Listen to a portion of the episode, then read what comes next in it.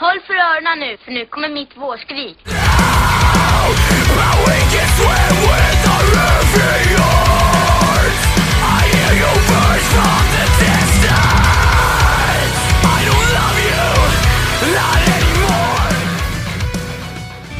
Moms! It was never a phase! It's a lifestyle!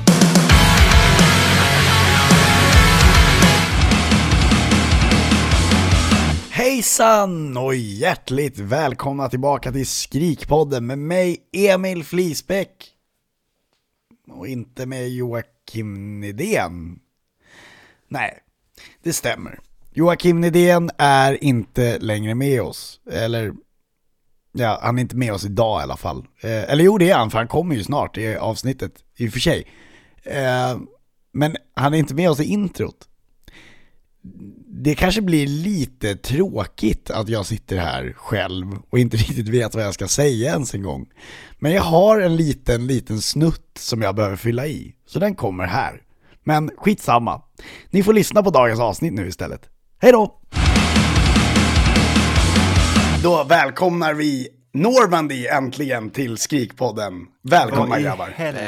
gör vi här? Ja, det undrar jag också. Skrikpodden! Exakt. Ja, precis. Ja, eh, precis. Det, det undrar ju vi med. Eh, men nu blev det så här och eh, Ja. nu får vi finna oss i det helt enkelt.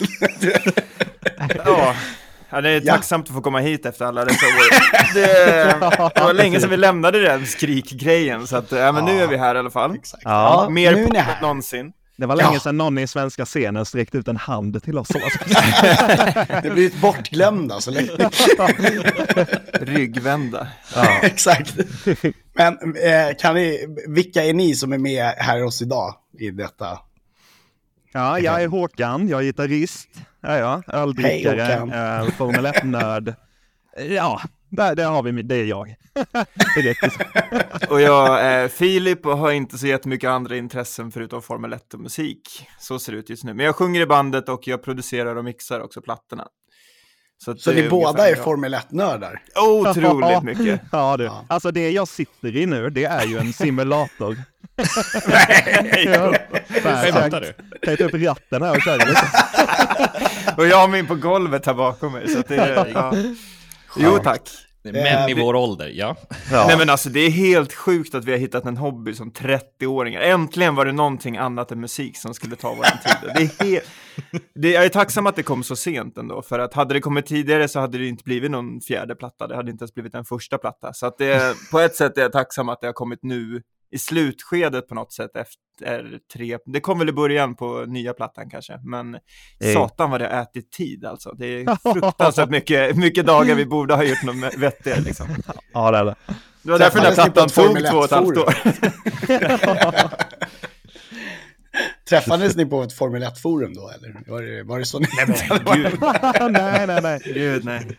Nej, faktiskt inte. Vi träffades faktiskt på, på en sju helvetes hemmafest i Sollentuna. Ja jävlar. Det gjorde vi. Vi spelade Ja. på satelliten med mitt gamla band Naked Conspiracy och jag tror vi var förband till typ Aim for the Sunrise och eh, ja, det var något annat band.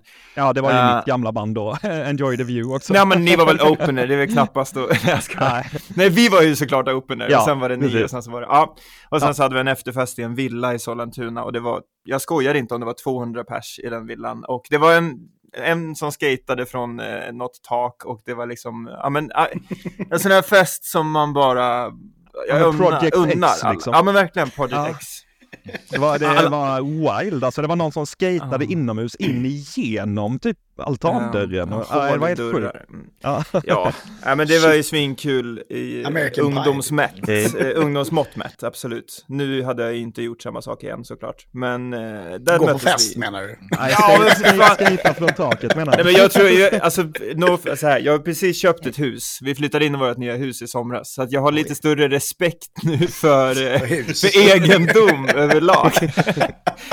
Ja, men så jävla, ja, ignorant eller vad man ska kalla det, Mm, ja, sådär. Att skata Men inomhus och du, du har ett hus i Stockholm då alltså? Ja, ut, precis utanför, i Sigtuna har vi köpt. Ja, jag tänkte annat. Jag tänkte, ja, det blev Enskede-dal. Nej, så Eller här, mitt inte emot bli. mig här i Råsunda, de kostar 15 miljoner mil.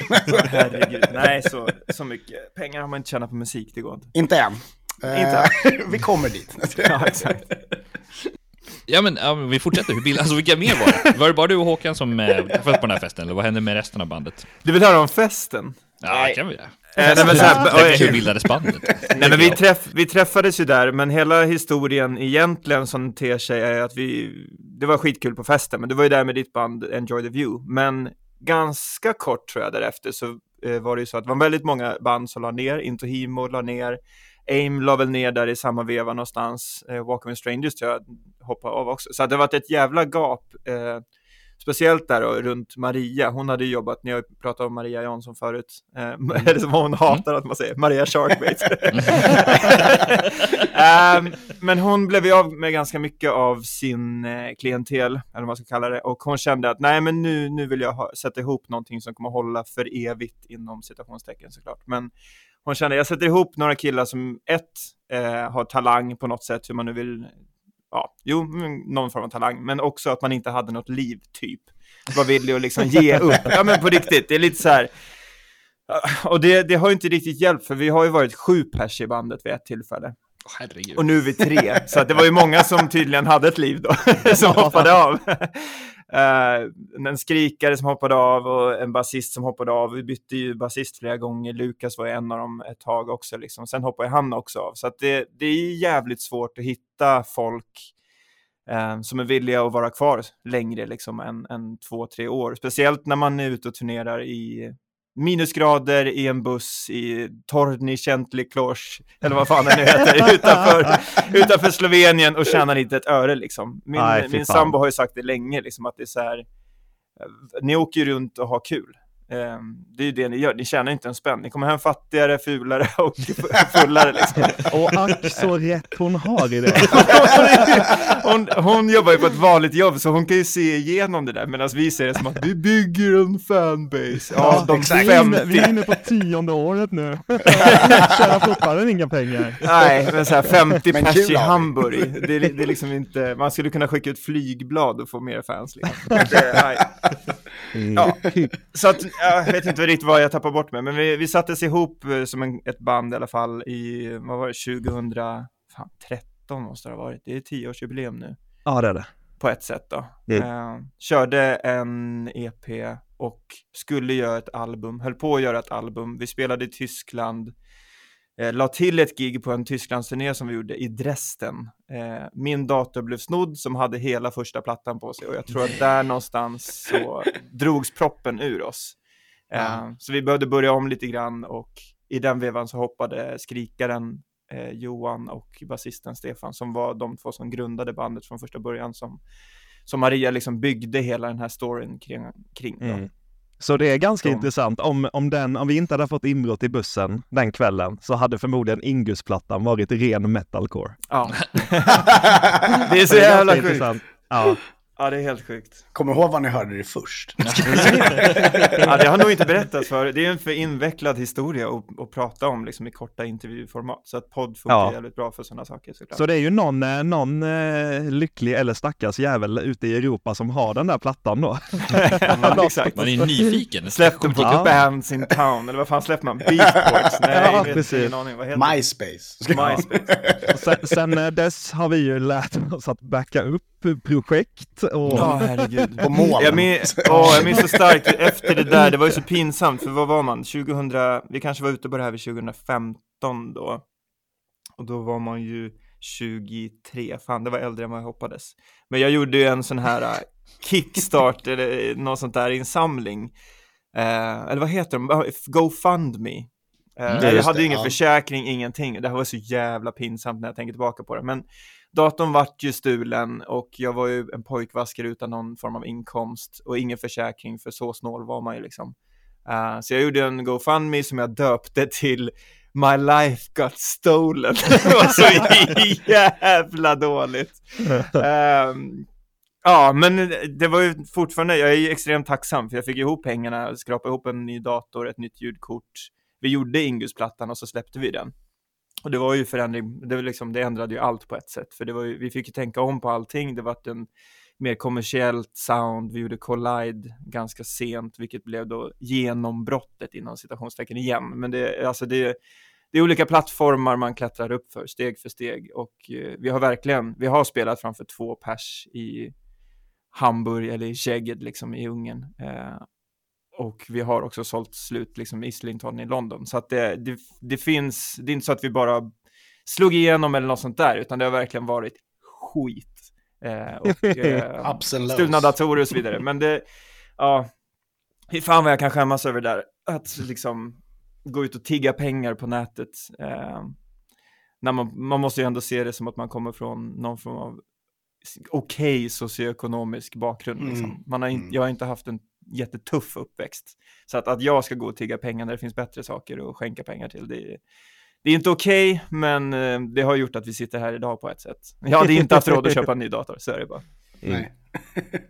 Det, alltså, det var faktiskt en av mina frågor som jag skulle komma till sen. Men vi kan ju ta den nu när vi än... Ja, inte, inte om din dator alltså. Nej.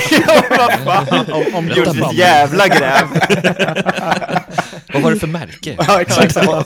Jag vill gå in på djupet med det. Nej. Eh, Hur kommer det sig att ni valde att gå från det mer tunga soundet till softare? Men det var nog i samband, för det var alltså i, ja precis. Ja, det är en cornerstone, absolut. Ja, och sen när allt det hände och vi skulle skriva om allt i samma veva där så tog ju han Johan som skrek och även basisten Stefan tog beslutet att eh, de ville inte turnera.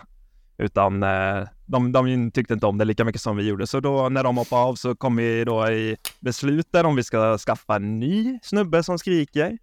Eller om Filip ska sjunga rock istället. Och då blev det så. Det var ju någon turné där som jag skrek också. Eh, för att vi var liksom emellan. Mm. Vi spelade ju Mm. gamla låtar från EPn och så skrek jag. Det gick ju inte i längden liksom.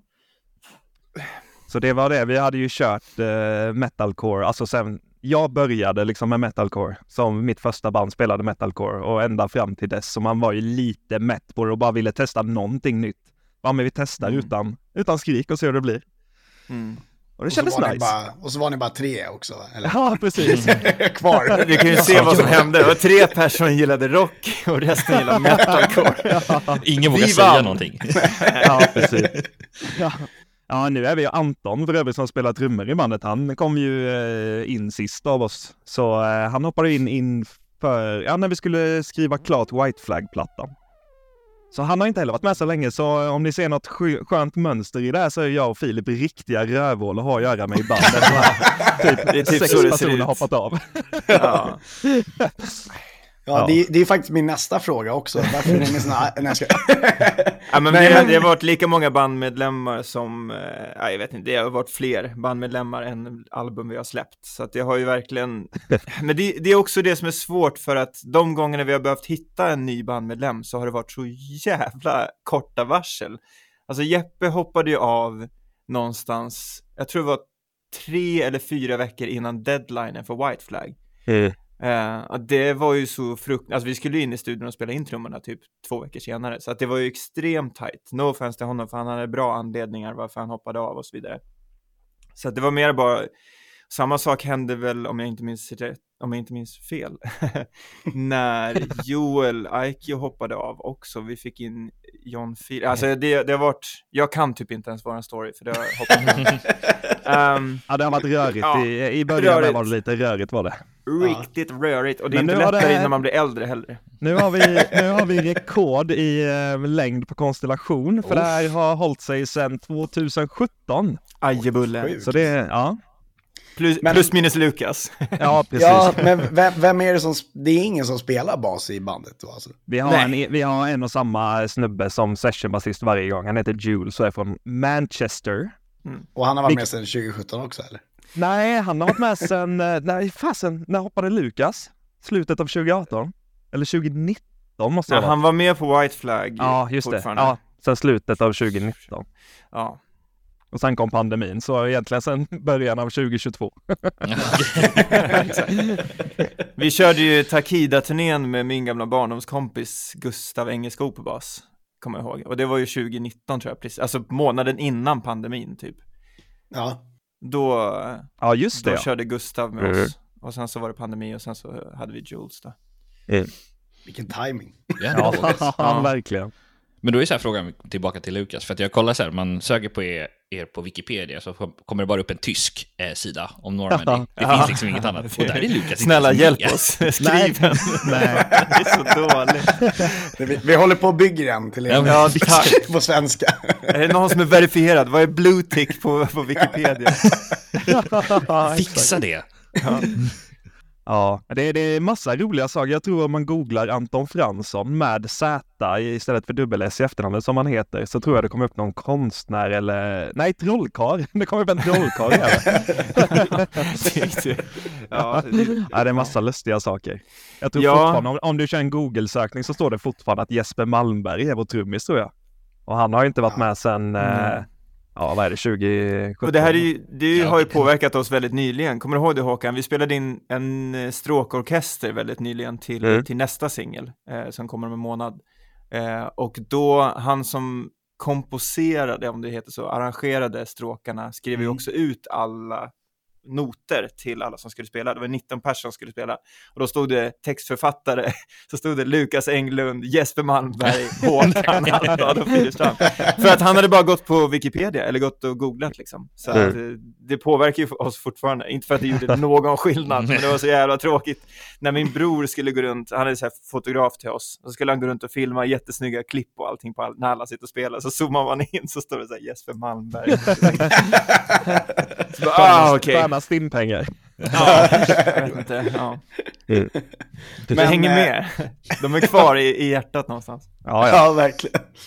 Men eh, Normandy, eh, jag vet att det är, eh, det är ett känt slag, eh, men det är ju också ni. Eh, hur kunde det vara ledigt som na- bannan? Det känns som att det borde vara något som folk paxar rätt snabbt. Visst är det sjukt?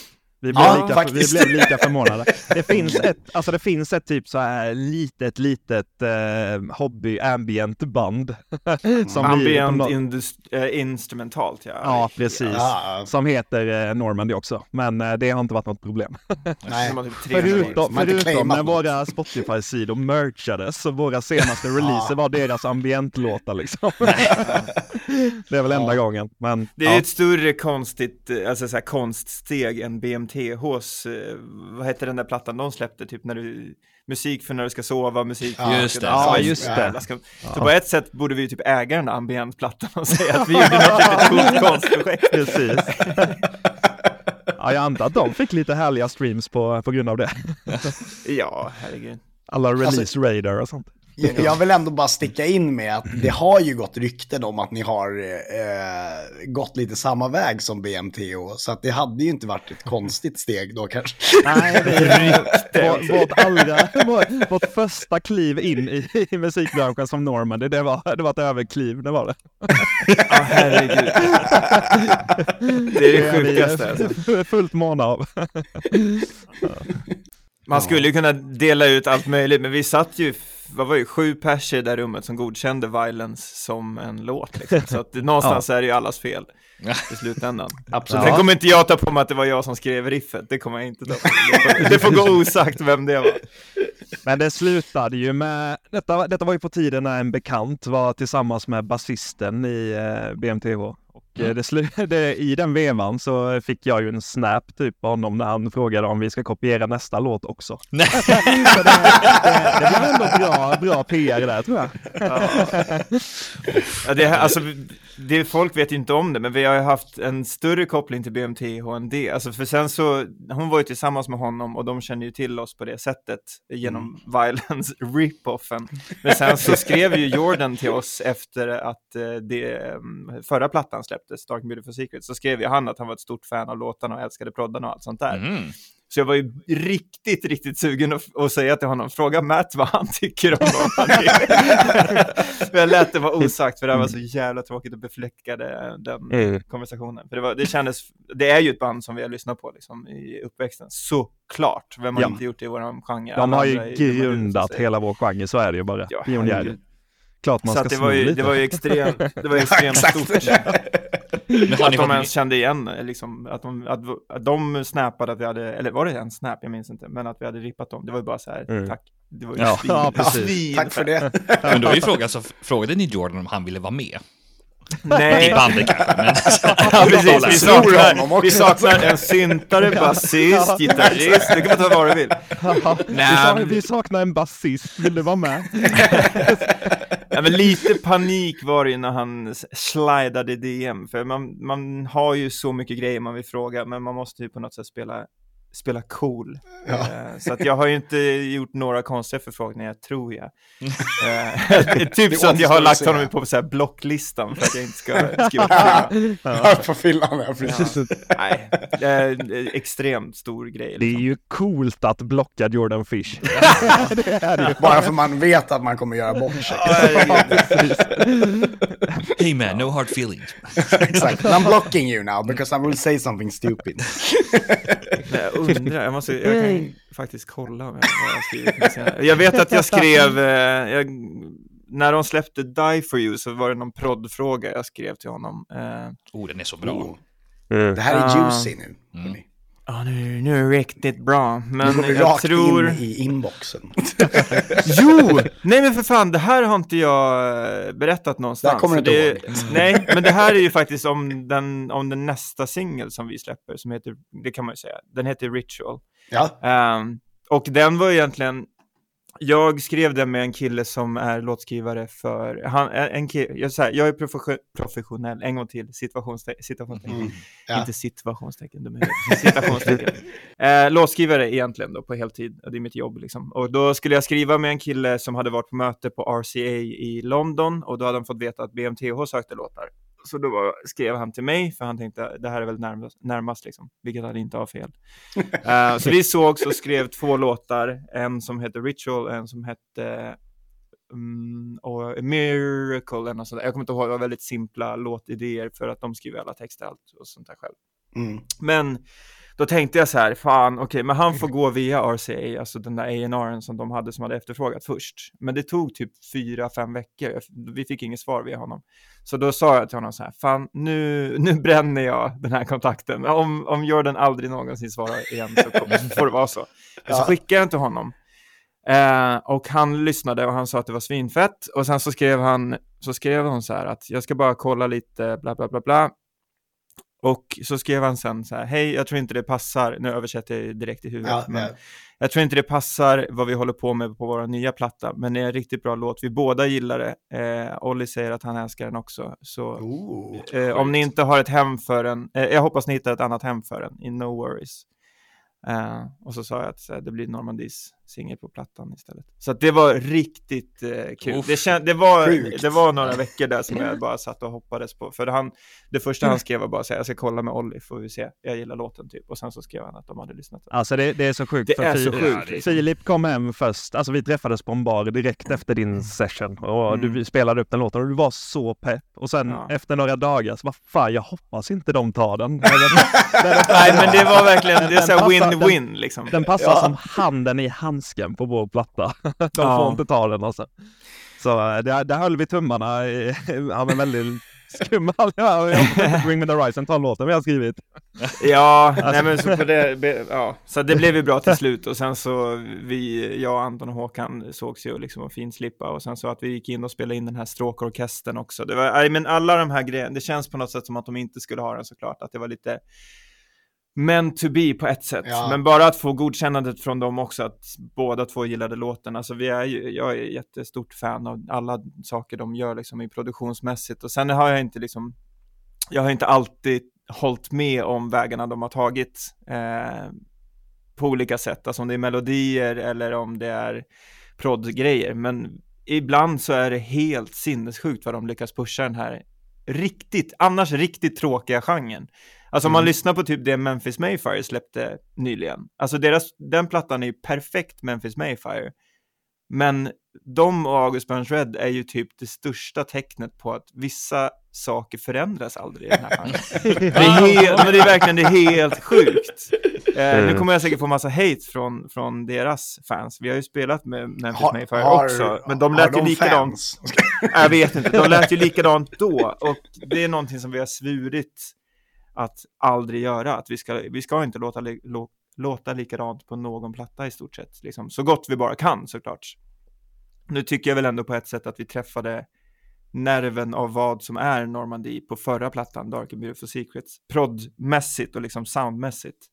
Uh, så att vi har ju på, på ett sätt återskapat det på nya plattan med, med vissa förändringar såklart och vissa utstick eh, som senaste singeln Hourglass som är fem minuter lång, vilket jag, det bara kryper i kroppen på mig liksom. Men, eh, men det, det är kul att våga göra det liksom som, som ett popband på ett Mm. sätt. Jag fick, jag, jag fick pusha Filip ganska hårt för att den skulle få vara fem minuter lång, för Filip är så Ja. popskadad. Ja, men det, det är är ju för det, långt.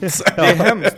Det är liksom mitt jobb att Ja. skriva poplåtar. Jag menar, jag har ju skrivit till Eurovision och där är de ju svinhårda. Är det över tre minuter så, så blir det hängd. Nej, men det, det finns liksom inte på kartan att du är över tre minuter, så att fem minuter, jag, vi räknade ut att 2.40 i hourglass, alltså två minuter och 40 sekunder är bara refräng. Det har inte jag gjort förut, så att det, ja, det kryper lite i kroppen, men ja, jag vet inte vart, vart det här kommer ifrån. Men, Men det blev, det blev också så här, den var egentligen inte tänkt som en uh, singel. Eh, så där, därför gick vi lite banana. Så här, bara, men nu, nu, den kommer ju inte vara liksom en radiosingel eller en singel, så vi bara kör på. Vi drar in ett heavy breakdown och kör lite skrik och allt möjligt. Och eh, sen blev det en singel och nu har skivbolaget bett om en radio edit. Ja, det är så jävla... Såklart. Ja, men vi fick ju DM, eller så här, på, vi har ju WhatsApp-kontakt med vårt skivbolag. De skrev ju för, ja men var det en, två dagar efter release? Ja, radio efterfrågar en radio, eller radio i, förlåt, PR-teamet i USA ber om en radio edit. Mm. Och det var ju bara, det var ju bara att sätta sig ner och börja skära liksom. Vilket ändå blev bra, men det, det går inte att ersätta originalprodukten, för den är liksom gjord för att vara fem minuter lång. Eh, Och vi ska ja. spela hela i slutet. Yes. Ingen jävla radio edit. Nej, bra. Det är bra. Folk kommer klicka ut, ni kommer se på statistiken. Bara. Vi kör TikTok-versionen. Börjar de med en dubbelvers? Är de sjuka i huvudet? Som tur är har vi inte så mycket popfans som lyssnar på det. Men det, det är väl det är kul att man kopplar tillbaka på det sättet att vi ville ju ha, den har, det har ett breakdown med skrik i. Ooh. Där har ni kopplingen! Där har vi kopplingen. Back to 2013!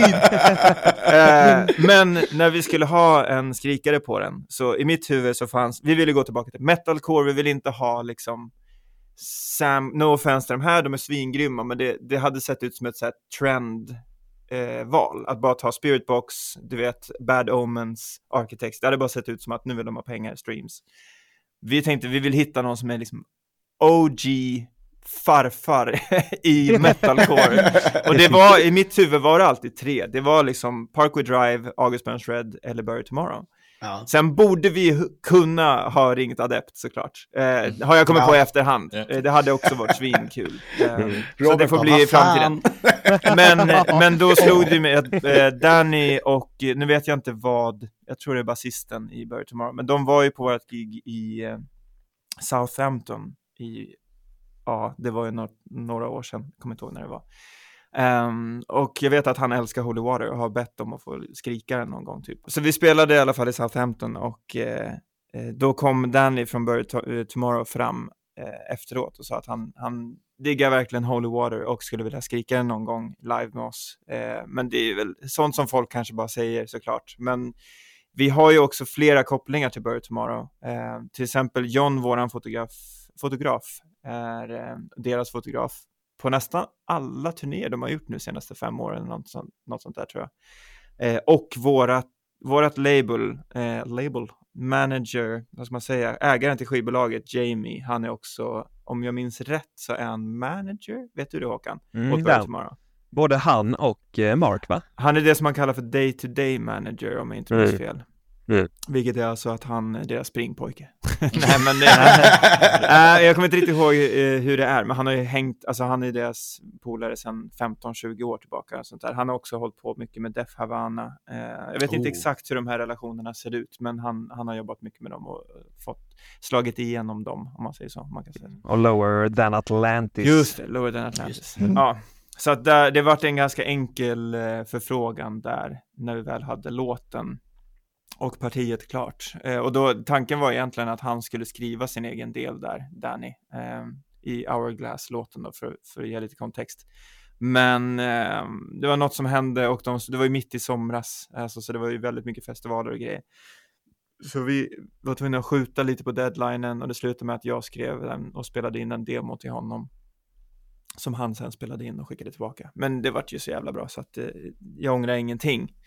Men ni ska höra min demo. Jag skojar.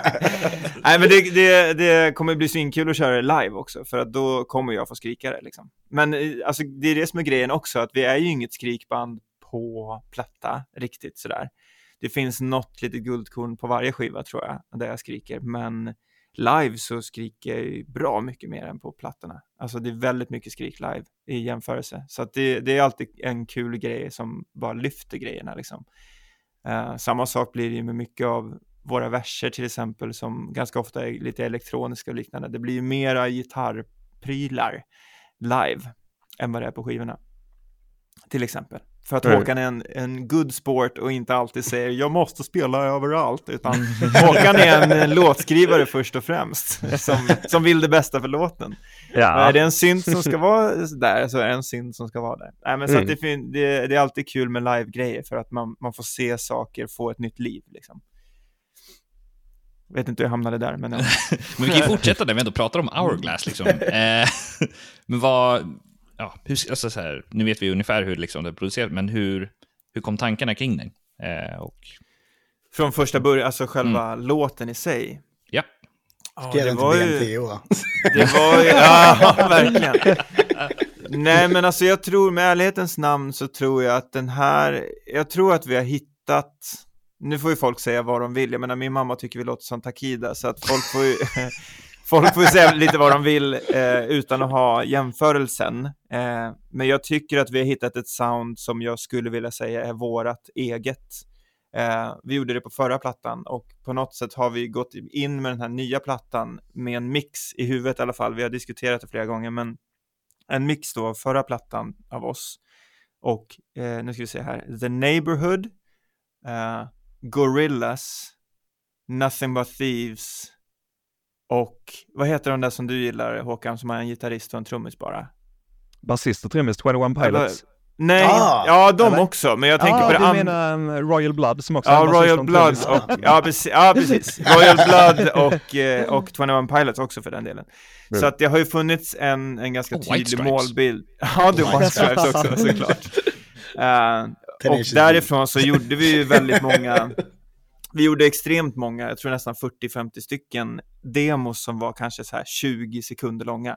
Med massa olika världar om man kan kalla det så. Alltså Mm. vi satte oss ner, drack lite vin, käkade en pizza och bara typ kasta ur oss idéer, kasta ur oss referenser, allt som sagt, allt ifrån Gorillas till, inte riktigt ABBA, men det finns riktigt skumma referenser där vi har hittat små, små saker och vi har gjort små instrumentella grejer och sen har vi bara du vet, manglat ut de här idéerna och sen frågat oss, kan det här bli Normandie eller är vi helt ute och cyklar? Och i många fall så har vi lyckats ta det ganska långt till Normandie-soundet och Hourglass var en av de grejerna, men det behövdes bara klicka in en refräng tror jag. Men verserna där var, har nästan alltid låtit som de är. Det är lite som Blood in the Water som är första singeln, den var också så här, första demon var liksom verser, det bara satt för att vi, Mm. vi var ganska säkra på hur vi ville låta liksom. Um, och sen, sen är det bara bygga därifrån. Det var ju svinsvårt att skriva text på de här låtarna. Den här gången, för att förra plattan var väldigt, väldigt personlig och handlade om min kristna uppväxt och hur jag lämnade kyrkan och liknande. Men nu var det så här, hur, hur tar man det därifrån? Eh, jag vet att, ja, det är jävligt kul, jag vet att det var den första plattan som vi gjorde, alltså förra plattan, som var personlig.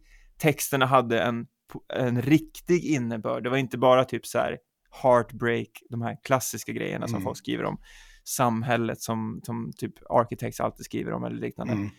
Utan nu var det så här, okej, nu finns det en tydlig bra handling. Vi fick en struken geting av Kerrang i tidningen Kerrang för att texten, alltså det här minns jag ganska tydligt, de, de eh, ratade plattan totalt för att texten var dåligt Ja men det var dålig text om jag minns det rätt. Alltså det var verkligen, det var så jävla tråkigt att höra. Det har varit en sak om det var så här, det, det låter över, jo men det var också lite överproducerat, vilket jag kan hålla med om på, på ett sätt. Men Mm men just att de attackerade texterna, det var så jävla hårt. Så att den här gången när vi skulle köra plattan så tänkte vi, vi gör helt tvärtom och gör en helt fiktiv storyline och så vidare. Så att Men det var det jag ville säga, att de här låtarna till 99% har det handlat om att skapa en sonic, alltså en ljudbild som vi vill leva Mm. i liksom. Och Hourglass är inget undantag. Det var verkligen bara, det här skulle jag kunna gå och lyssna på instrumentalt, typ. Sen får melodierna sitta senare liksom. Men ja, ni, ni var ju inne på inspirationer här, men eh, generellt, vilka har varit inspirationer, eh, de största inspirationerna under hela resan? Om man Sluta säger så. fiska för fan. Jag menar inte BNTH. Nej. Om det finns ett band i våran genre som inte har haft BMTH som någon form av referens så är jag villig att ge dem pengar. Men, eh, ja, men BMTH har väl varit en del av det. Eh, sen för min, alltså jag, det här är ju, ja, jag har sett Metallica sju gånger, jag är jättestort Mm. Metallica-fan. Uh, 30 Seconds to Mars var bra där omkring den där första, den här rödvita plattan. eh, Mm. var svinbra och även Kings and Queens eller vad den heter, den plattan var också svinbra. Uh, sen vet jag inte, Nothing But Thieves, jag vet inte, du är lite mer galen i dem än vad jag är kanske. Mm. Ja, jag är Ja. nog lite mer brittrockig Mm. på det While sättet. Men, Sleeps. men ja. en, en eh, Mm. annan inspiration som vi alltid haft, kanske inte så här direkt avspeglat i, i hur vi låter, men någonting vi har lyssnat på och tagit mycket inspo ifrån allmänt är ju Muse. ja. Ja, Det det kan vi Muse. faktiskt. Ja. Vi har lyssnat på Muse, eh, ja, jag har lyssnat på dem så länge jag kan minnas nästan och du med Filip. Ja, nej, jag såg dem 2009 på, i Hovet, det var så jävla fett. Då, Mm. då var man 15 typ eller något sånt där. Så även om det kanske inte är direkt avspegling så jag, jag har Muse och John Mayer framförallt att tacka Ja. för att jag kan spela gitarr. Det, det var de sakerna jag lirade när jag började Det liksom. var mycket lägre eldar hör jag. Ja. John Mayer har ett helt annat djup än vad du tror. Nej, John Mayer är också högt, högt, högt upp på listan, absolut. Mm. Ehm, ja. Så det är ganska oväntade referenser kanske, men, eh, men jag det, det älskar har... när folk säger så eh, också. Men, Det Ja. är ju så jävla olika med band. eh, Bara de, vissa drar ju liksom, ja, Dua Lipa eller... Ja, ja men exakt. Och sen, sen, har vi ju, sen har vi också, och det är väl egentligen på grund av Jesper som var trummis innan då, han var extrem poppunknörd, eller är Mm. fortfarande. Så han introducerade ju alla bra poppunkband, Neck Deep, Story So Far och alla de Ja, för oss. Och det mm. har ju också, vi har ju ofta en låt per platta som är lite mer poppunkig och det Ja. är ju direkt inspo därifrån. Det är så jävla gött med lite poppunk också. Ja, det är kul. När man har gjort en så mörk platta och sen bara får man ut en sån här dur. Skriva i dur pojkar! Så jävla gött. Ja, det är fantastiskt. Eh, det är sant, det är skitkul. Eh, jag tänkte också på, nu när ni ändå varit ute och turnerat, liksom, var brukar ni ha era bästa spelningar? Någonstans? England, England, eller hela Storbritannien egentligen. Utan, eh, utan tvekan. Eller inte bästa nödvändigtvis, men de största vi gör är ofta i Storbritannien. Sen eh, brukar det vara lite vildare i Tyskland typ. Mm. Mm. Och eh, Ungern har varit bra för oss. Prag eh, i Tjeckien har varit väldigt bra. Är det så här lite random platser ni bara hittar eller att det blir... Ja, ja jag, jag vet. Följer ett inte mönster eller? Ja. liksom? Ja men det, det har blivit lite. Vi började ju, eh, vår allra första turné var ju att vi fick vara förband åt ett eh, band från Österrike som heter All Faces Down. Och de var ett väldigt litet band eh, på den tiden och eh, vi var betydligt mindre. eh, men då, då blev det alla de här, ja men runt Österrike, så det blev mycket Ungern och mycket Tjeckien och bla bla bla och sånt. Så det blev lite länder, Slovenien, Slovakien, som man vanligtvis kanske inte åker till. Och det har vi, vi har ju hållit fast vid vissa av de ställena Mm. för att det, det var så jävla fett för oss liksom och vi har byggt en fanbasen där, har följt med oss sen vår första turné verkligen. Så det är coolt. Det är jävligt coolt. Eh, nu ska ni ut på turné, ja, eller nu, men i februari. Ehm, eh, vad blir annorlunda den här gången? Vad kan folk förvänta sig på den här turnén? Ny platta. Surprise! Med skrik. Ja. Nej men det kommer, alltså vi, det kommer bli folk som har sett oss kommer uppleva en större produktion, eh, större spelställen, eh, längre spelningar. Det kommer bli, bli mer gig av det helt enkelt. Är mest det, vi försöker alltid att göra alltså växa live i produktioner och ljus och eh, satsa mer och mer på det. Så det kommer bli något nice, skulle jag tro. Vi turnerar ju på lite annorlunda sätt också eftersom jag blev pappa. Så vi har valt att åka ut en och en halv vecka första rundan och sen åker vi faktiskt hem i två veckor och sen så åker vi ut en och en halv vecka igen. Vilket är bra mycket enklare om vi hade varit typ Imminence och bott i Malmö. Nu bor vi i Stockholm, så det är en bit att åka. Alltså bara för att komma ur landet tar det liksom nio timmar. Men eh, ja, så vi turnerar i två, två omgångar, vilket makes no sense om man sen också ser att, och det, vi behöver inte säga vilka vi åker med eller någonting, men vi åker ju till USA sen i sex Mm. veckor. Oj. Vilket blir en helt annan grej liksom. Eh, så att vi gör, vi gör ju, alltså där har vi inte så mycket val. Där är ju bara att vi åker med liksom som support. Men när vi väl kör headline så det finns ju en trend inom musik och framförallt livemusik just nu där man ska turnera smartare. Coldplay spelar Ja, fyra ja. gig i en stad. Harry Styles spelade, vad var, gjorde han?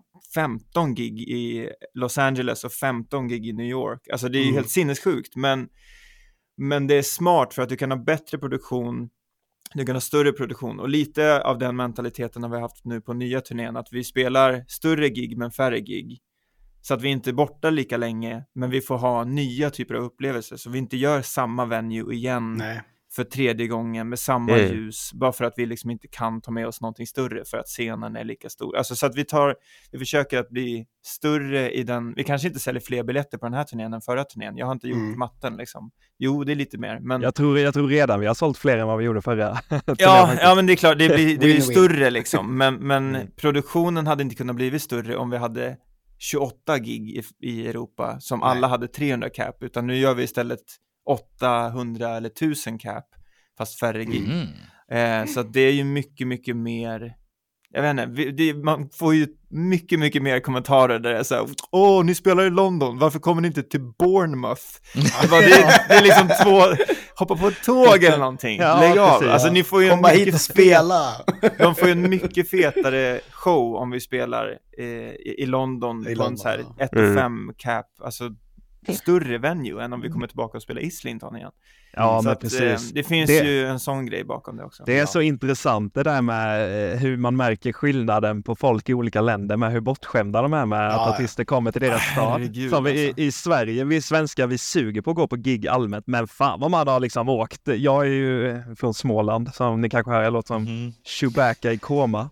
Men, eh, men eh, jag, har, jag har ju åkt så mycket till Göteborg och Stockholm bara för att gå på gig liksom, och Malmö, det var ju nära i och för sig, men så här, britter åker gärna inte en timme alltså. Nej, det är helt. Och tyskar däremot, de åker på 15 gig på en turné. Ja, ja, ja. De, De, de har inget problem att åka på alla gig. Det är, så, det är en klunga på typ 20-30 pers som går på typ alla Ja. gig när vi spelar i Tyskland. Ja, vi har, vi har en, en tjej som har varit på, oh, fan jag tror in, ingen ens har varit i närheten av att vara för lika. Jag tror hon är uppe på typ 75 gig eller något med oss. Och det, det är liksom hon äger gig alla än vad vi har gjort. Typ. Herregud. Hon har varit Så att. England i lä, Tyskland i forefront. Alltså det är Ja, helt annorlunda. verkligen. Det är helt annorlunda. Ja, men det, Men det, vi- blir, det blir väldigt intressant att turnera på det här sättet för vi har inte gjort det innan. Ja. Vi har liksom kört ja, men A, B och C-städer på samma turné hela tiden. Mm. Uh, vid ett tillfälle gjorde vi en D-turné, D-stadsturné. Det var eh, skumt. Ja, Jag har aldrig hört talas om någon av de städerna. Vi spelade i ett ställe i England som heter Graves End. Slutsålt. Skitbra gig.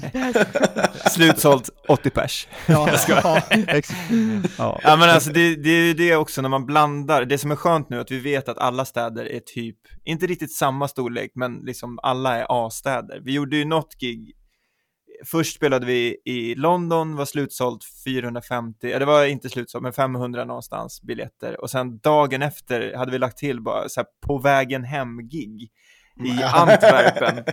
Alla hade ju supit skallen av sig kvällen innan, så jag hade ingen röst, alla var bakfulla, Håkan du stod väl inte upp, jag vet inte, men det var så jävla dumt att spela då framför, kan det ha varit 25-30 pers där? Ja, då var liksom, bland de 25 så var båda förbanden också. Ja, alltså, det, det, det blir ju, man vill ju inte köra sådana turnéer där det är högt och lågt på det sättet. Alltså ska vi ut och experimentera, då får vi göra det på en experimentell turné och bara testa Mm. och då, då blir det en rolig grej, att det blir lite rowdy, vi kanske kör en setlist som är väldigt Mm. annorlunda, vi testar lite tyngre låtar. Men att köra en turné där det både kommer 30 pers och 800 pers, det är, det är svårt liksom. Det, för då vet man vilka, alltså då kom, man väntar bara på att de dagarna kommer, bara, ah, nu kommer snart den där dagen där det har sålt två biljetter, ja fy fan. Och så vill man inte ens dit. Eh, så Mm. det, det känns fantastiskt att göra den här turnén och se hur biljetterna sä- säljer nu. Det är liksom, vi vet ju att den här turnén kommer sälja slut. Alltså det, det är näst, ja jag vet inte. Det vore nästan konstigt om det inte gjorde det med, med farten det har nu liksom. Mm.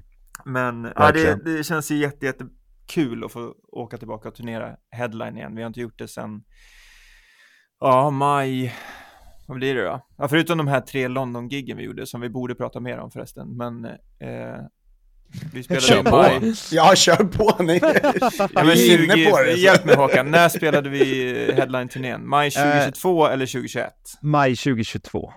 Okej, det var inte piss länge sedan. Ja, Ja, men det nej, är men. London, nej men Ja. London-giggen måste vi prata om, för det är det är det sjukaste vi har gjort någonsin. Vi spelade ju... Berätta om London-giggen. Nej men har ni, har ni hört om de tre giggen vi gjorde i London Nej. på samma venue? Nej, vi bokade alls. en venue tre kvällar i rad. Eh, vi, vi hade tre plattor vid den, till, den tidpunkten. Det var Ingus, White Flag, Dark and Beautiful Secrets. Och vi gjorde en, ett album varje kväll. Helt enkelt. Så att vi hade en Ingus-kväll, en White Flag. Och så sålde vi också de biljetterna. Vi gick ut med första giget, Ingus, först. Eh, den sålde i slut på en kvart, om jag inte minns fel. Oj, Eller den, vet- wow. den tog...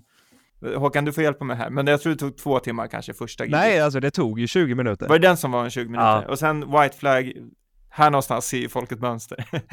så Ja. vi gick ut med White Flag, den sålde slut och sen gick ut med Dark Beautiful Secrets eh, spelningen. Alla sålde slut pissnabbt. Ja, det tog Vi bara åker någon till dag. England. Typ. Har typ inte insett att vi ska spela 33, 34 låtar på tre dagar. Med en trummis som bara, alltså, som hoppade in efter två plattor, så han har aldrig ens rört första plattan. Och en sessionbasist som kom in i slutet på ny, alltså nyaste plattan då. Ja. Det var så jävla... Och jag hyrde in en så kallad lyric monitor som jag vet att typ Takida Ja. kör med och även så här, alltså pissstora band, Coldplay kör också med lyric Mm. monitor och så vidare. Så att, bara för att jag ska kunna ha texterna framför mig. Men... Ja, det är ju fan omöjligt att memorera. 32, 34 jag, jag texter, tror att alltså det- 34 låtar, ja. Ja. Nej men det var så jävla roligt och det var ju bara att få, att då testade vi lite på den, den grejen att man liksom spelar på samma venue tre kvällar i rad.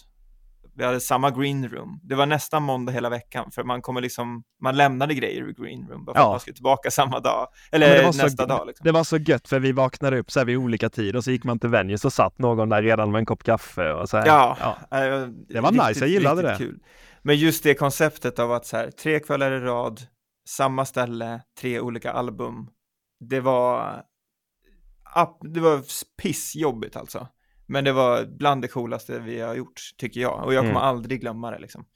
Nej. Eh, och jag, un, jag tycker att fler band borde testa det för att det, pushar en på ett sätt. Ja men det är verkligen utmanande. Att man, man blir så bekväm med samma setlist. Jag menar när man spelar festival, man spelar Mm. sex, sju låtar, det är bara, Mm. alltså det sitter så långt bak i ryggmärgen liksom. Mm. Men jag, ah, oh, fy fan vad nervös man var när man skulle gå upp första kvällen på Inguskvällen. Det är låtar vi aldrig spelat någonsin Ja. liksom. Mm. Det var, så, usch. det var så jäkla mycket samtidigt också, alltså den ångesten jag hade inför förberedelserna. Dels eh, lära, sig, lära om sig och lära sig vissa låtar vi aldrig ens har spelat någonsin. Och Mm. eh, samtidigt så eh, höll jag på att planera som best man inför min bästa polares bröllop och eh, jag och Filip skulle spela och sjunga på bröllopet och äh, det var mycket, mycket på en gång där som gav ångest alltså. Ja.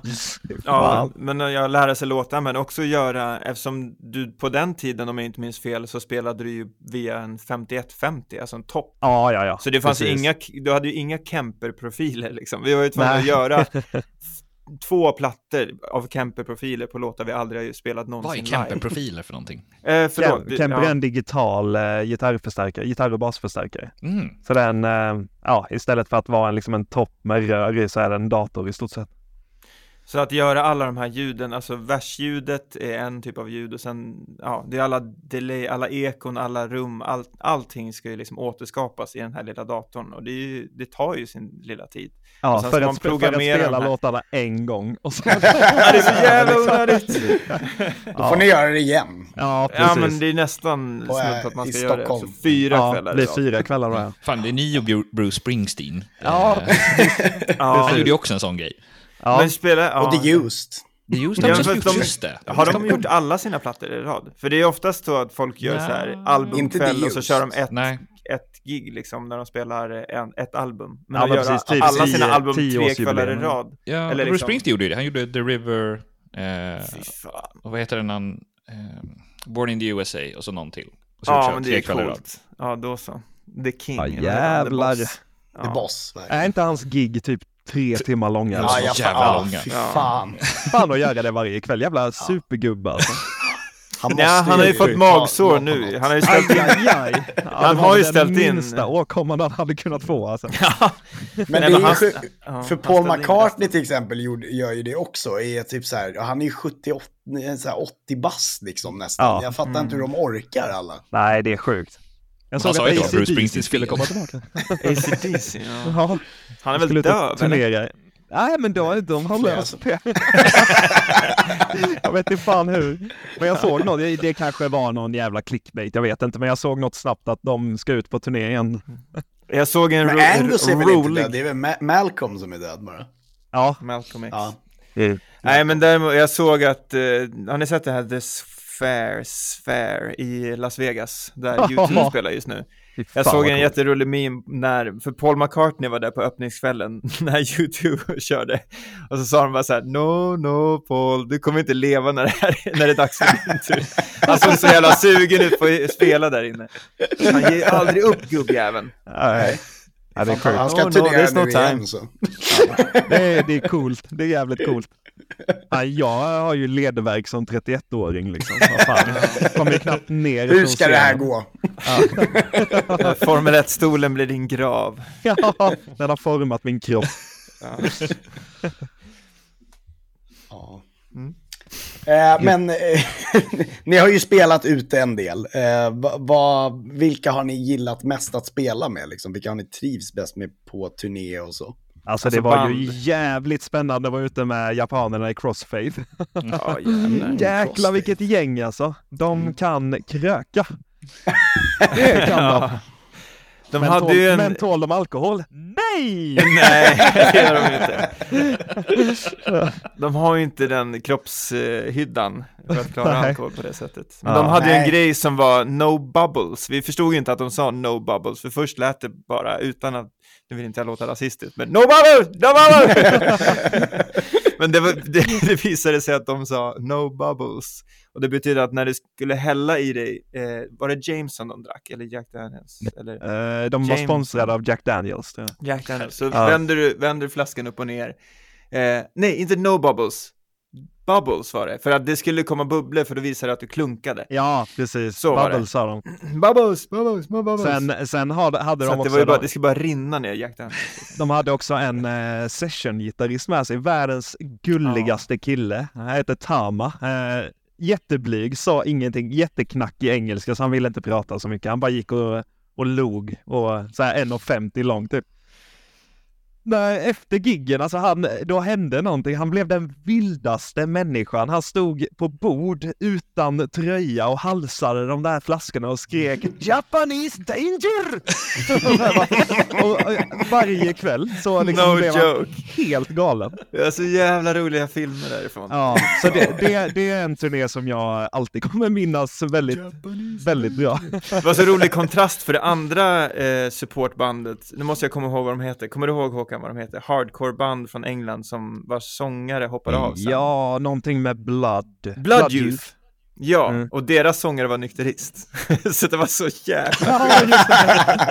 Han drack ju inte innan, efter, ingenting. Han drack absolut inte och var super duper hard, alltså straight edge, eh, seriös liksom. Mm. Eh, vilket det bara, det bara klaffade liksom inte. Så att Han vi såg lite obekväm ju- ut hela tiden. Han var väldigt... ja. Ja. Nej, men det var kul och sen så också Svinkel. vår första supportturné, eh, eh, stora supportturné, det var med Yellow Card.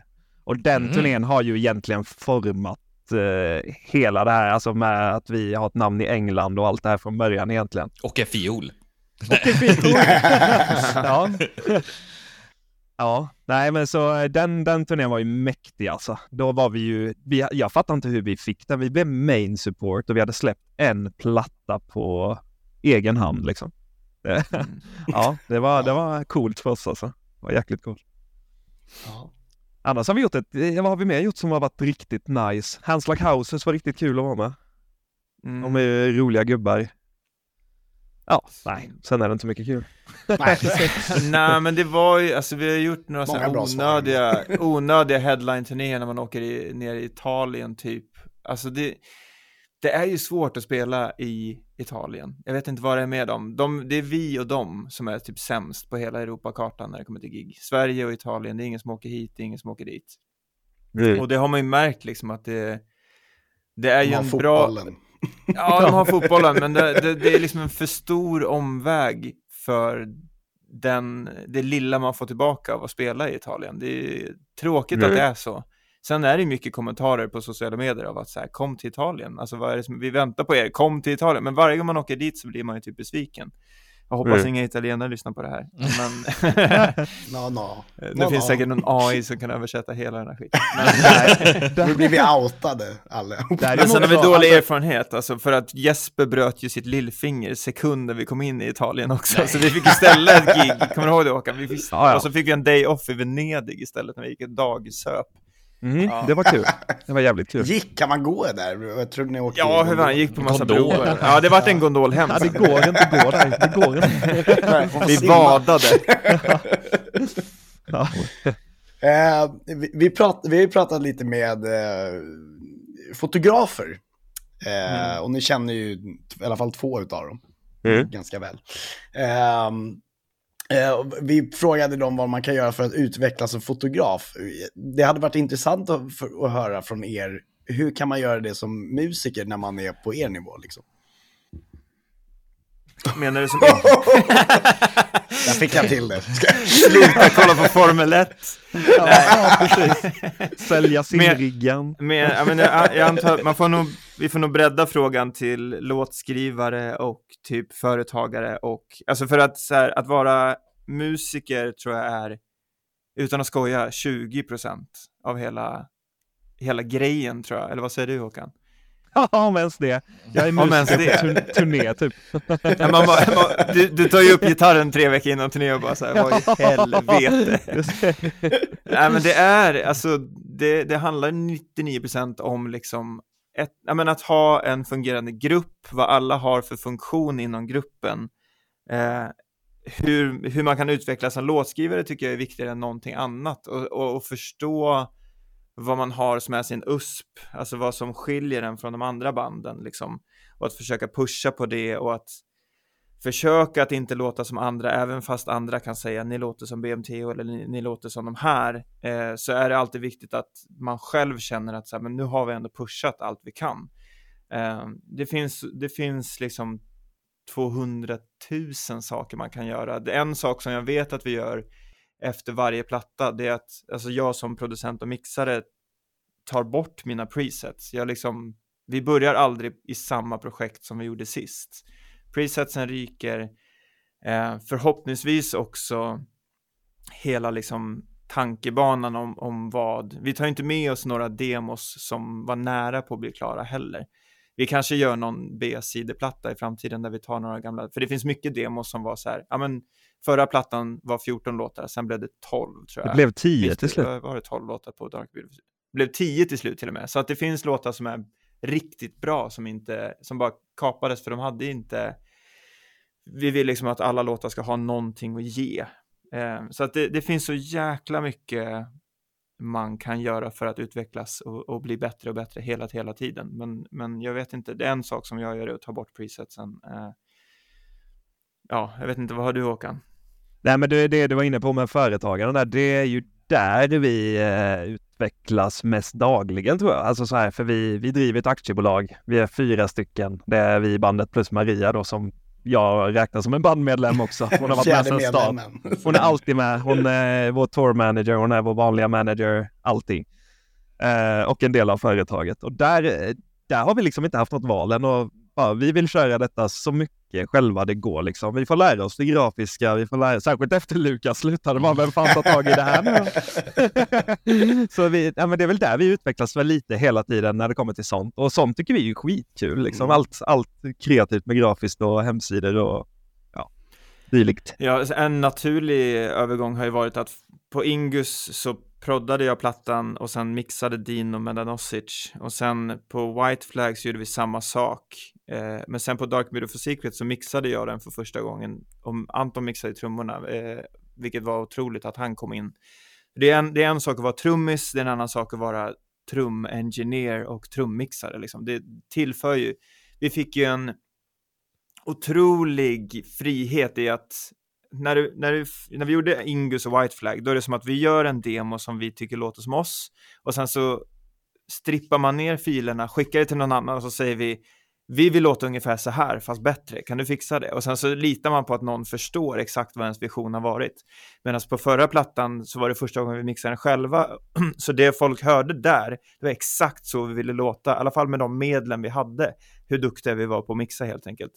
Och sen på den nya plattan så skulle jag vilja säga att det liksom, nu är vi riktigt nära på att låta exakt, exakt så som, alltså så bra vi bara kan när det kommer till produktion och när det kommer till mix.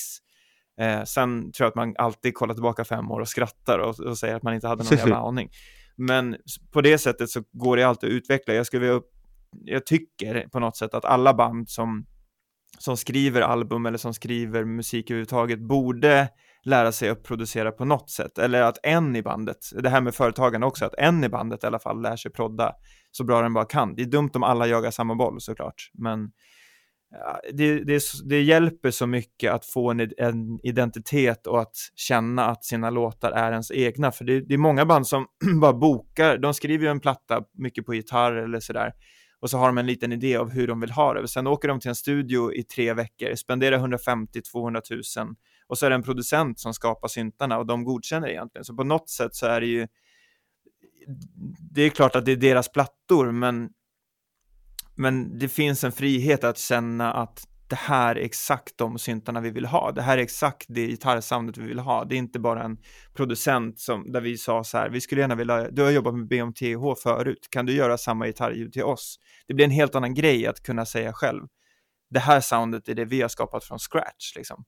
Eh, så mycket sådana saker gör ju också att, att man utvecklas. Håkan till exempel, du har ju tagit hela den här grejen med sociala medier och framförallt ads och marknadsföring på nätet och strategier. Du har ju tagit det till en helt annan nivå. Du har till och med fått börja jobba med andra band och liksom se till att deras saker flyger liksom. Um, så att det är väldigt viktigt att man bara hittar sin spetskompetens och inte försöker bråka om, om platserna heller. Att det, om det är någon som är duktig på att eh, göra ads eller om det är någon som är duktig på att göra omslag, blanda inte i er för mycket utan låt personerna då få presentera sina idéer, sen ska alla ha ett, få säga ja eller nej. Men man kommer märka ganska snabbt att det liksom det breddas ganska stort och allting blir mycket bättre istället för att alla jagar samma boll. Mm. Verkligen. Väldigt bra svar. Ja, väldigt, väldigt bra. Tack. ja. Um, vad, vad, vad, är på gång nu efter Hourglass? Det, ni nämnde ju en singel till här, men eh, det, mm, det, kommer en, det kommer en jäkla massa singlar först. Ja, uh, vi, vi, ni vi, kör det spåret. ja. ja, men vi, vi testar något nytt. Alltså det, det vi som väldigt, väldigt, väldigt många andra har ju alltid släppt på fredagar mm. som man gör. Mm. Eller nu har ju fler och fler börjat så här onsdag, premiär på BBC och sen kommer den på Spotify och bla bla bla. Ja. Men vi tänkte fan, ska vi, hur kan vi göra det här så att folk liksom, de ska inte behöva se en teaser för att veta om vi släpper en låt. Så då släpper vi en låt den första i varje månad fram till plattan. Oh. Mm. Så eh, vi försöker printa in i våra, vår fanbase, eh, till vår fanbase, att det är så det är. Den första så kommer Det kommer, kommer en ny låt den första varje månad och eh, det börjar ju folk anamma nu liksom. Nu har vi släppt tre singlar den första. Och det kommer fyra till innan plattan. Mm. Så, ja. Och sen kommer plattan. Nej men det känns, det. precis som du sa, det känns som att eh, en av de största flasen idag är ju liksom att det, det är så jävla svårt att få bli hörd på sociala medier. För det första. Men för det andra också att få folk att komma tillbaka eller i- att behålla intresset. Jag förstår ju om folk, om någon inte gillar Hourglass så kanske de bara slutar, inte slutar följa oss men på, på något sätt ändå liksom vi försvinner ur deras eter, liksom. de slutar för, eh, lika saker och så försvinner man ur algoritmen. Men så istället för att behöva gå ut varje gång och säga den 15 nästa månad så släpper vi en singel och sen till nästa singel så säger man igen Ja, tjena allihopa, nu den 19 februari, då kommer nästa singel. Alltså man måste hela tiden ha tvåstegsraketer. När man först Mm. säger när låten kommer och sen när låten kommer så ska man också säga nu har den kommit. Så vi tänkte att även om folk inte gillar den här singeln så vet de att den första, då har de en ny chans. Så får de Mm. kolla, ja men vi gillar inte den låten heller. Ja men då vet de nästa månad. Så vi har lite sådär, ja, new month, Ja. new Normandy liksom. Ja men precis, och vi, vi har ju nästan alltid skrivit musik på det sättet också att det, alla låtar kommer inte passa för alla Nej. för det är ganska varierat sound. Alltså vi försöker ju ändå få in så att det blir så mycket variation som vi bara kan och fortfarande skriver något vi står för liksom. Mm. Och eh, så det, det tror jag kommer bli ett bra koncept. Vi har, ju, vi har ju börjat märka det nu redan att folk förstår, alltså man ser ju det på, alltså att släppa, oh, nu ska jag säga det rätt, att släppa en låt på en söndag är dödsdömt. Du får inga playlists, det hamnar inte på någon Spotify radio, algoritmer, ingenting. Det är det absolut sämsta dagen du kan släppa en låt på. Men det var ändå den mest uppskattade låten vi har släppt i den här, av de här tre som vi har släppt. Mm. För att Mhm. folk börjar fatta, nu kommer en ny låt och så lyssnar de på den och så blir, då kan vi se att 95 eller någonting procent av de streams som vi hade nu på Hourglass var att folk gick in på våran profil. Så att vi har, våran Mhm. marknadsföring har ju liksom på något sätt bara, det har ju bara till oss. betalat sig själv på ett sätt. Att Mm. 95 procent kommer bara gå dit och kolla för nu är det en ny månad. Så att jag ser fram emot att se hur det blir efter liksom femte singeln. Ja. Det är helt sinnessjukt. Så att nu kan man lägga på ett lager på det och göra ads eller göra marknadsföring, ja. sprida, göra TikToks eller vad fan man vill göra. Men liksom grundmarknads... Våra fans vet varje månad att det, kommer en ny låt. Vi behöver inte påminna dem och vara, Mm. vara irriterande hela tiden och bara, ja, det här, och så teaser, och så kommer det här. Och det, det. Nu är det bara liksom, några dagar innan releasen så är det ny månad, ny Normandie, nu kommer den här låten. Liksom. Mm. Så det känns så jävla skönt också på det sättet. Jag har aldrig gillat eh, grejen eh, med att vi liksom tidigare har teasat alldeles för långt i förväg för att man är pepp liksom. Man Ja. vill bara få ut det ordet typ. Så var i två veckor så bara, ah, har ni pre-save igen och um, ja. Nej, fy fan, det här gillar jag mer. Men om ni säger så här, efter eh, singeln och hela albumreleasen, vad är liksom nästa stora steg för er? Ja, men det blir ju, eh, ja, turné kan jag inte svara för det eh, kommer ju ske. men nä- nästa stora steg efter det, alltså vi brukar ju omedvetet ganska omgående börja jobba på nästa platta. Ja, okej. när vi har, som, som Blood in the Water till exempel, den, alltså i grundidén till den skrev vi samma kväll som vi släppte förra skivan. Mm. när vi satt ute på en italiensk restaurang och fick upp lite idéer i huvudet. Nej men så det, det, vi har inget planerat mer än att eh, det förmodligen kommer bli något sånt igen. ja. Mm. Ja. Men jag, franska får jag komma då? Ska... ja, precis. Ja, absolut. Ja, Jag vet inte Filip, har vi några så här big visions mer än att vi ska eh, göra våra turnéer och grejer i, efter plattan? Nej men det är Europaturnén i två steg och sen så är det USA hela april, halva maj. Men det kan vi inte säga med vilka, men det är bara Nej. en turné i USA. Eh, och sen så förhoppningsvis så blir det väl några festivaler i sommar, nästa sommar då. Det finns Ja. fortfarande ganska många tyska festivaler vi inte har gjort. Det har varit svårt för att ofta när man blir bokade på festivaler så får du liksom ett avtal, speciellt som svensk, att du inte får göra några andra festivaler i det landet. Mm. Oftast blir det så i England att du gör våran festival eller ni gör våran festival och sen så då är det exklusivt liksom. Eh, det kan vara fyra veckor innan, fyra veckor efter Eller så är det hela sommaren, liksom, eller hela året i vissa fall också. Så, så har det varit när vi har spelat Download eller Reading and Leeds och liknande, så har det varit så här, det här är festivalen ni gör. Vilket jag fattar på ett sätt, för att är det ett brittiskt band så är det svårt att stoppa dem från att göra fler brittiska festivaler. Men är det ett utländskt band som kommer in, det är en ganska specifik fanskara som kommer att få se dig. Så om du har två festivaler så kommer de bråka om biljetterna. Så jag, jag förstår det på ett sätt, men det, ju, det gör det ekonomiskt svårare. Det hade varit lättare om det gick att turnera festivaler i England också. Eh, Ja. Men Tyskland är lite bättre på det. Eh, men vi har också haft lite stökigt, utan att säga för mycket, stökigt med bokare.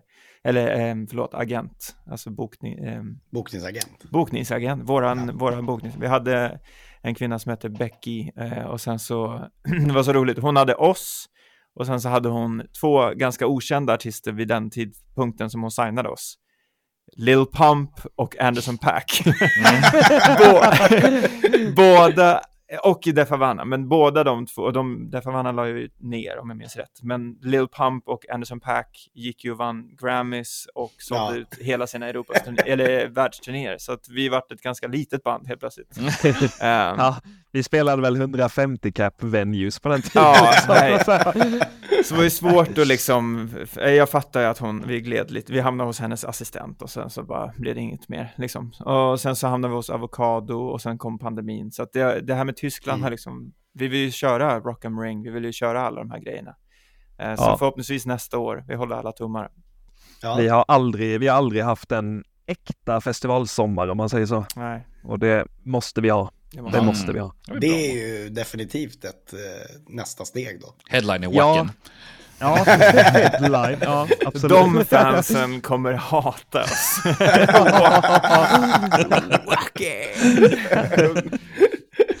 Men jag ser fram emot det. Ja, exakt. Slakten. Hörrni, va, eh, eh, om vi går till Sverige, bästa svenska bandet just nu, förutom er själva. Fan, det var det jag skulle säga. Eh, inte Takida. Uh, Nej, Fasen vad svårt. Då är man partisk. Eh, Och sen kommer jag inte på något mer.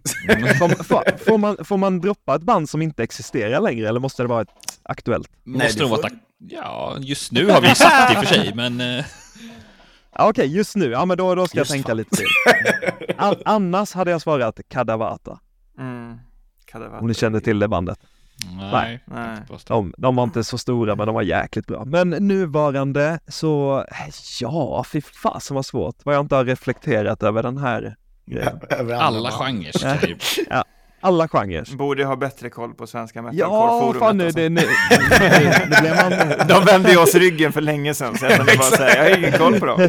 Eh, alltså jag, jag tycker ju att Imminence gör det så jävla bra, det de Ja. gör. Och jag menar, kudos till dem att de har skapat det här violin core-grejen. Sen, Mm. sen kan man ha olika smak liksom i sound. Jag vet, de är jättestora In Flames-fans. Jag har aldrig gillat In Flames, så det, Mm. vi kan lämna det osagt på det sättet. Men Eddie och, ja men hela det gänget är ju fruktansvärt duktiga på alla de här sakerna som vi pratade om, det här med att man har företag, att man är låtskrivare, att man är, man är inte bara instrumentalist, men de är ju mycket mer instrumentalister än vad vi är. Mm. Eh, och otroligt duktiga på det de gör. Turnerar flitigt och eh, ja, men de är riktigt, riktigt grymma på det sättet. Så att jag, jag, tycker, jag tycker de är nog på sin, på sin plats på ettan egentligen för mig. Mm. Mm, Du då Håkan? Passen. Ja. Vi har inte glömt. Ehm, nu ska vi se. Sara Larsson är bra. Ja, Ja, det går jättebra. det är en av Ja. mina favoriter. Ja, fan, jag tror vi snackar i genren. Ja. Nej, nej, nej, nej. Alla Ja, fan, då tar jag tillbaka. Iminen ska dra åt helvete. Håkan Hellström.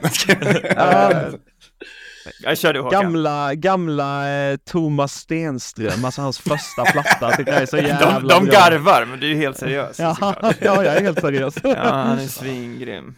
Eh, Jag vet inte, Ehm, han kanske fortfarande turnerar på den skivan i och för sig, så att det kanske är aktuellt. Nej, jag tror inte det. Jag tror inte. Ja, nej, det är sant. Det räknas ju inte som aktuellt heller. Nej. Fan vad jag blev ställd mot väggen här. Men du Nej, sa Sara men Larsson. nå- det- några som, det- några som jag har haft koll på, stolt över Sara. men några som jag har haft koll på den här sommaren eh, utomlands som är, det är helt sinnessjukt att de är, de är jätte, jättestora och helt fantastiskt grymma fortfarande. The Hives. Mm. Är, eh, alltså, liveshowen de sätter upp är helt sinnessjuk alltså.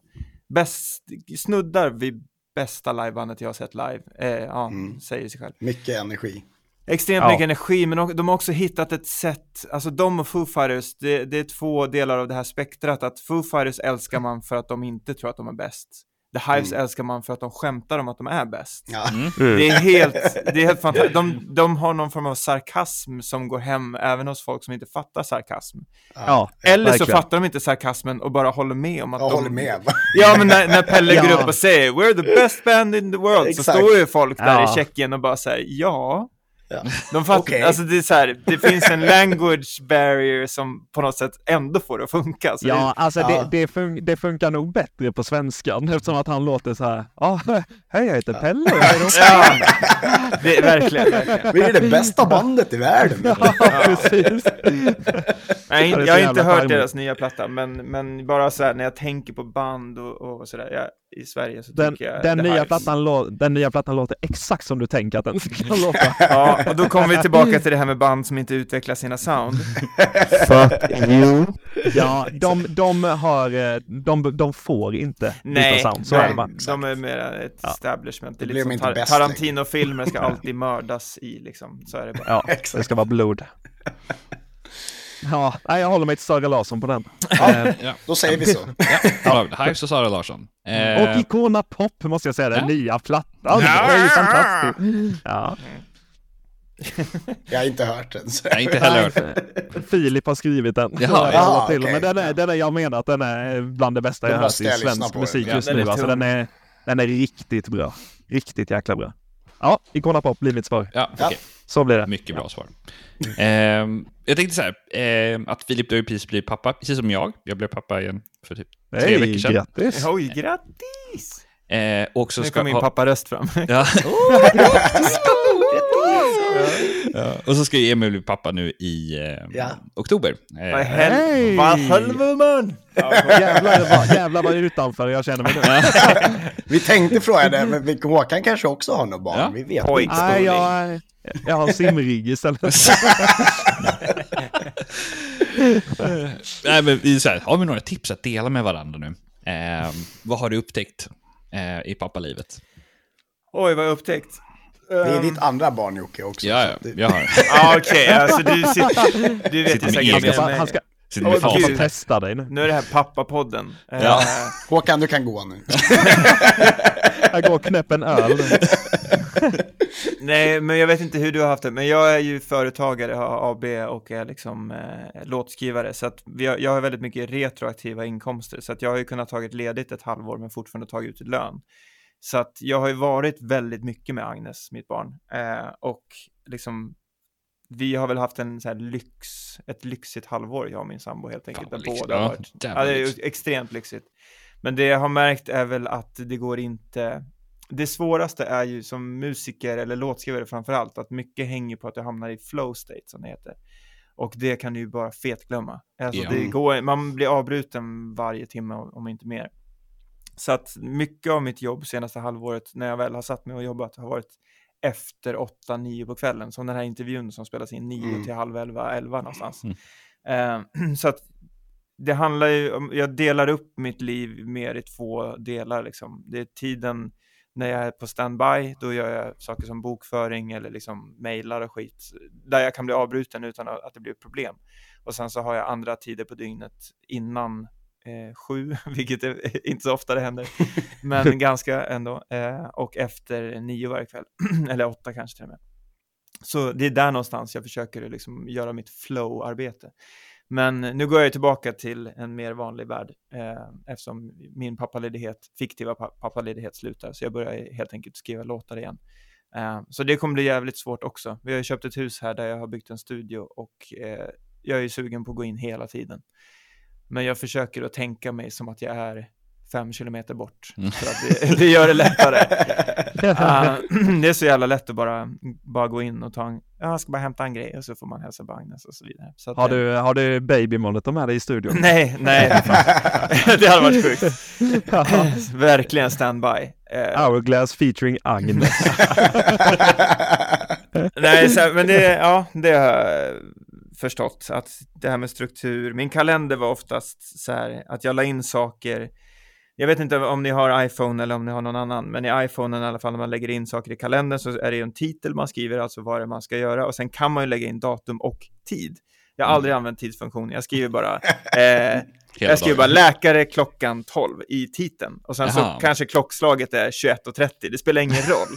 Men nu, nu när, jag, när vi har barn så har det blivit mycket, mycket mer timkalender. Så att jag faktiskt lägger in Mm. saker när de är. Eh, det kan vara saker som att träna ligger i min kalender nu. Mm, Eller mm. att gå ut och exportera någonting. Så att det är väldigt mycket mer eh, byråkratiskt att skriva ner saker jag gör. Alltså även om det är att jag Fan, vissa dagar har jag skrivit in att jag måste duscha, men det är för att jag och min, min sambo delar kalendrar, så att hon ser att jag har skrivit i kalendern att jag behöver duscha här. Då är det mycket lättare, man kan inte alltid prata om allt. Eh, Vilken bra idé. Ja. Det ska jag ta med. ja, men det, Ni pratar inte längre, ni har en kalender emellan. ja, det är klart vi pratar mycket, men, men det är mycket lättare för henne då att se att så här, ja, men det ligger i hans kalender, det är jävligt viktigt att han får in det här. Att han, att han duschar. Mm. Ja, nej, men in, det har, jag har inte slagit Håkan. Eh, det har gått typ fem dagar, men det var ju någon gång Håkan när vi spelade i Tjeck, eller i, var det Tjeckien, när du inte hade duschat på sju eller åtta dagar. Ja, ja, det var nog rätt många länder efteråt. Det var rätt många dagar. Vi stod och, stod och pissade i en dusch, eh, eller i en, eh, i en, En busk. dusch. Ja, Istället för att duscha. ja, nej, nej vi, vi stod och pissade i en buske och man kunde typ känna varandras könsdoft. Ja, det var inte, det var inte nice. Jag, jag klöktes av det. Så då, då var det dags att vi eh, bestämde oss för att duscha. Ja, hundåren som, som man Ja. säger. Ja, men det fanns ju fasen inte tid till att duscha och det fanns inga duschar på en sån turné. Alltså man körde ju eh, från att gigget var slut till nästa gig börjar typ och sen Ja. upp och lira och sen packa ihop och köra vidare. No time. Nej. Men eh, Filip, hur eh, blir det att balansera föräldraskapet med turnerande tror du? Kommer det kännas tungt att vara borta? Det blir ju lite av ett test i vår. Ja. men då kommer hon ju vara närmare ett år, vilket förhoppningsvis suddar ut alla stora frågetecken, alltså om hon är frisk, om ja, hur, hur livet kommer vara typ. Sen är det klart att hon kan ha feber i en och en halv vecka medan jag är borta, men det är ju Mm. det är liksom, vi kan inte planera en turné Nej, hur, om hon har feber såklart. inte. Så att det, det ska bli ett spännande test, men jag tycker att bandet eller företaget och bokningsbolaget och skivbolag, alla har varit väldigt förstående och accepterande av att så här, vi testar ett nytt sätt att turnera, en och en halv vecka, sen hem två veckor, sen ut en och en halv vecka, bara för att det blir det blir mindre tid ifrån, det kanske känns mer som en helg, en längre helg. Alltså jag vet inte hur barn uppskattar tid heller, och det är inte riktigt för hennes skull heller. Jag vet inte, men det, det är slitsamt för ens partner, speciellt när det finns mycket om och men och saker som behöver göras. Det är slitsamt när, när partnern är borta i fyra veckor. Liksom. Eh, jag vet ju själv inte hur det känns. Jag vet inte, hur, vet du Håkan hur det känns? Ja, nu har ju, du, ni har ju varken hund eller barn på det sättet, men, men när, att vara själv, Guldfisk. att ens partner åker iväg i två veckor. För du har ju varit med om Mm. det när jag och din tjej åkte iväg på Eurovision. Då var ju Mm. hon borta i två veckor från dig. Men jag har aldrig haft det med min sambo. Hon har aldrig Du och hans veckor. tjej åkte iväg. Ja, hon är också, hon, är sjukt? ja, hon är också låtskrivare. Det, Det var ju- det var konstigt. Nej men det var jag som, jag satte ihop Håkan och hans tjej faktiskt. Hon är låtskrivare. Ja, det, är- det är sjukt. Det är så. Men eh, så, hur, vad tycker du Håkan? Att, alltså att bli hemma när ens sambo åker iväg i flera veckor? Ja, alltså det är ju annorlunda när man inte är van vid det. Men äh, återigen, jag, har min, min, li- mitt lilla Formel 1-intresse så jag kan nog jag kan alltid roa mig på ett eller annat sätt. Nej, men det, det, det är blandat. Alltså så här, ibland så eh, kan det ju vara skönt att ha någon dag ensamtid liksom så här, men två veckor kan ju kännas länge som fan. Mm. Absolut. Så nej, jag kan, inte, jag kan inte heller relatera till längre perioder än så, för det har jag aldrig varit med om. Nej. Typ sex veckor. Ja, hon, ja, men det är det, det är värt att lägga till, men, men hon, min sambo, ser ju liksom alla klipp. Det, vi är ju extra mycket på sociala medier när vi är ute och turnerar. Så att det är Mm. svårt Ja. att missa hur kul vi har det. det alltså det är liksom... Just det, det var det. Det är ju dopaminpåslag utan att liksom, no pun intended, men det är liksom off the roof varje kväll, man spelar framför massa människor, träffar massa människor, det är alkohol varje kväll, det ska man inte sticka Mm. under stolen, Nej. fast vi inte super skallen av oss längre, men liksom, Ja. det är ju ett jävla, en jävla rush, och alla storstäder och man är ju på ett sätt globetrotter fast man inte ser mer än en trottoar. Men- Omklädningsrum. Ja men typ. Eh, men det, det, då sitter ju hon i våran soffa och bara väntar på att jag ska komma hem. Typ, utan att överdriva liksom. Eller, och överdriva såklart, jag överdriver. Men det, jag, har jag kan inte relatera till det. Så att på det, av den anledningen så turnerar vi nu en halv vecka och sen kommer vi vara hemma två veckor och sen ut igen en och en halv. För att på något sätt se om Testa. det kan, ja. Sen kommer den här jävla USA-turnén, men jag, eh, som det ser ut nu kommer jag flyga hem en vecka i mitten. Mm. Ehm, så vi får se hur det går också. Men ja, det är svårt. Vi har både hund och barn och eh, ett hus och så vidare. Så att vi får se. Mm. Men vi, jag är dedikerad till bandet. Jag vill att det här ska fungera och om det betyder att vi spelar som alltså en och en halv vecka åt gången. Och jag menar, drömmen är ju, jag vet inte vad, du känner Håkan, men drömmen är ju någonstans att man kan göra så att man turnerar och att man ett kan ha med sig sambo och barn och liknande på turnén såklart. Eh, eller att man blir ett sånt stort band att man kan liksom ha flera turnébussar eller att man flyger ut eller att man det finns ju många olika sätt att göra det på såklart. Eh, speciellt i Europa. Det är väldigt tacksamt. Alltså, jag vet ju Mm. ingen DJ, alltså jag skriver mycket till DJ-världen. De turnerar ju inte på samma sätt som vi gör. Utan Nej. de flyger ut till Ibiza, sen flyger de hem i två Mm. dagar, sen flyger de ut till Barcelona. Eh, det är klart att det är dåligt för miljön och så vidare. Eh, Det är så de jobbar.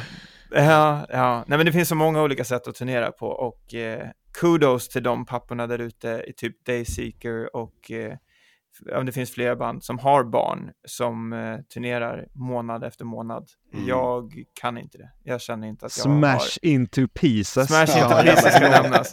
Satan vad de turnerar. Ja. Alltså. Ja. Där är många pappor, så att det, och jag vet inte liksom om det är så att det sliter i mitt hjärta eller om det är så att det sliter i min sambos eh, hjärta. Men någonstans är det liksom, det är en balansgång och jag vill inte turnera på det sättet de gör. No shame on them på det Nej. sättet. Men jag, jag kan fan inte sticka iväg två månader. Det, ja. Så är det. Så är det. det har Jag- grubblats. Kan jag säga. Ja, men vad bra redan. jag, jag känner att vi har hållit kvar er alldeles för länge eh, från, ja, från ditt Formel 1-spel Håkan och, och från ditt barn. Ja, men jag, jag har spelat hela tiden, vi har snackat. Jag är på high school nu. Nytt PB. Eh, vi, vi avslutar alltid podden med eh, fem öde ö-skivor. Eh, så jag tänker att ni får välja två var, alltså två var och en tillsammans. Mm. Det här är så jävla svårt. Det finns inte jätte, jättemånga bra plattor rakt igenom alltså. Ärlighetens namn. Det är det, det är- det som gör det lite speciellt. Eller, s- ja, mm. Ja, eh, jag kan börja med en eh, som eh, förmodligen alltid kommer ligga i topp tre på min albumlista och det är The 1975's I Like It When You Sleep-plattan. Mm. Otroligt härlig. Jag ser inte det som ett album med massa bra låtar utan jag ser det som en stor grej bara. En, som att kolla på en fet film. Interstellar gav mig samma känsla typ liksom. Det är en resa på, eh, ja en magisk platta. Den hade jag tagit med mig. Mm. Jag hade nog, jag minns, jag kan bara bränna mina två direkt tror jag, för att det, det är Ja. de, de som kommer top of mind och det ena är While She Sleeps, This Is The Six. Eh, Mm. Den köpte Mm. jag på box och man fick en så här dog tag halsband. Satan vad bra plattan är. Eh, Mm. Och sen så är det en platta jag egentligen behöver kolla upp namnet på, men Def Havana släppte Oh. en platta som börjar med Huntington Pier tror jag att det är, eller något sånt där. Ehm, Emil är ett stort fan av Def Ja, är All the det- Sleepless Night? Nej, Nej, plattan heter The Past Six, nej det gör den Det- inte. The Past Nej, Six det är- Years. Det är det är den. från albumet, men plattan är Fools and Worthless Liars ja, heter plattan. just det. Den är också helt sinnessjukt rakt igenom. Den är Mm. grym. Eh, min andra skulle jag nog kunna säga Black Holes and Revelations med Muse. Uff! Ja, Åh, Det är en stabil, den är bra rakt igenom. mm. Ska vi ta en gemensam Absolut. då? Queen of Ja, California med John Mayer eller? Ja, det kan vi ta. Den är, det, den är så jävla mysig. Jävla bra platta alltså. Ja, Sjukt bra platta. Mm, det, det där verkligen. klarade ni ju fan galant. ja fan, jag blev förvånad själv alltså. Särskilt efter hjärnsläppet med svenska artister. Alltså. Det där gick bättre. Ja. ja, verkligen. Men grabbar, då, då ska vi inte hålla er längre utan vi ska ju spela Hourglass om, om vi får. Det glömde jag ju fråga kanske. Det Ja. får ni jättegärna göra. Men då, då kör vi Hourglass så kanske vi kan eh, prata någon annan gång eh, om ni vill komma tillbaka. Det Absolut, hoppas det var jag. skittrevligt. Det vore kul. Och till de lyssnarna som fortfarande är kvar nu och som ska lyssna på Hourglass, som ska lyssna på Hourglass, om ni inte gillar den här musiken för att det inte skrik, vänta då till breakdownen som kommer efter fyra minuter. Ja. Och om ni inte gillar den ändå så kommer det en ny låt den första varje månad. Ja, just det. Safe bets i Normandie. Alltså. Vi har något för alla. Hörni grabbar, tack som fan. Tusen tack. Svinkul. Ha det bra.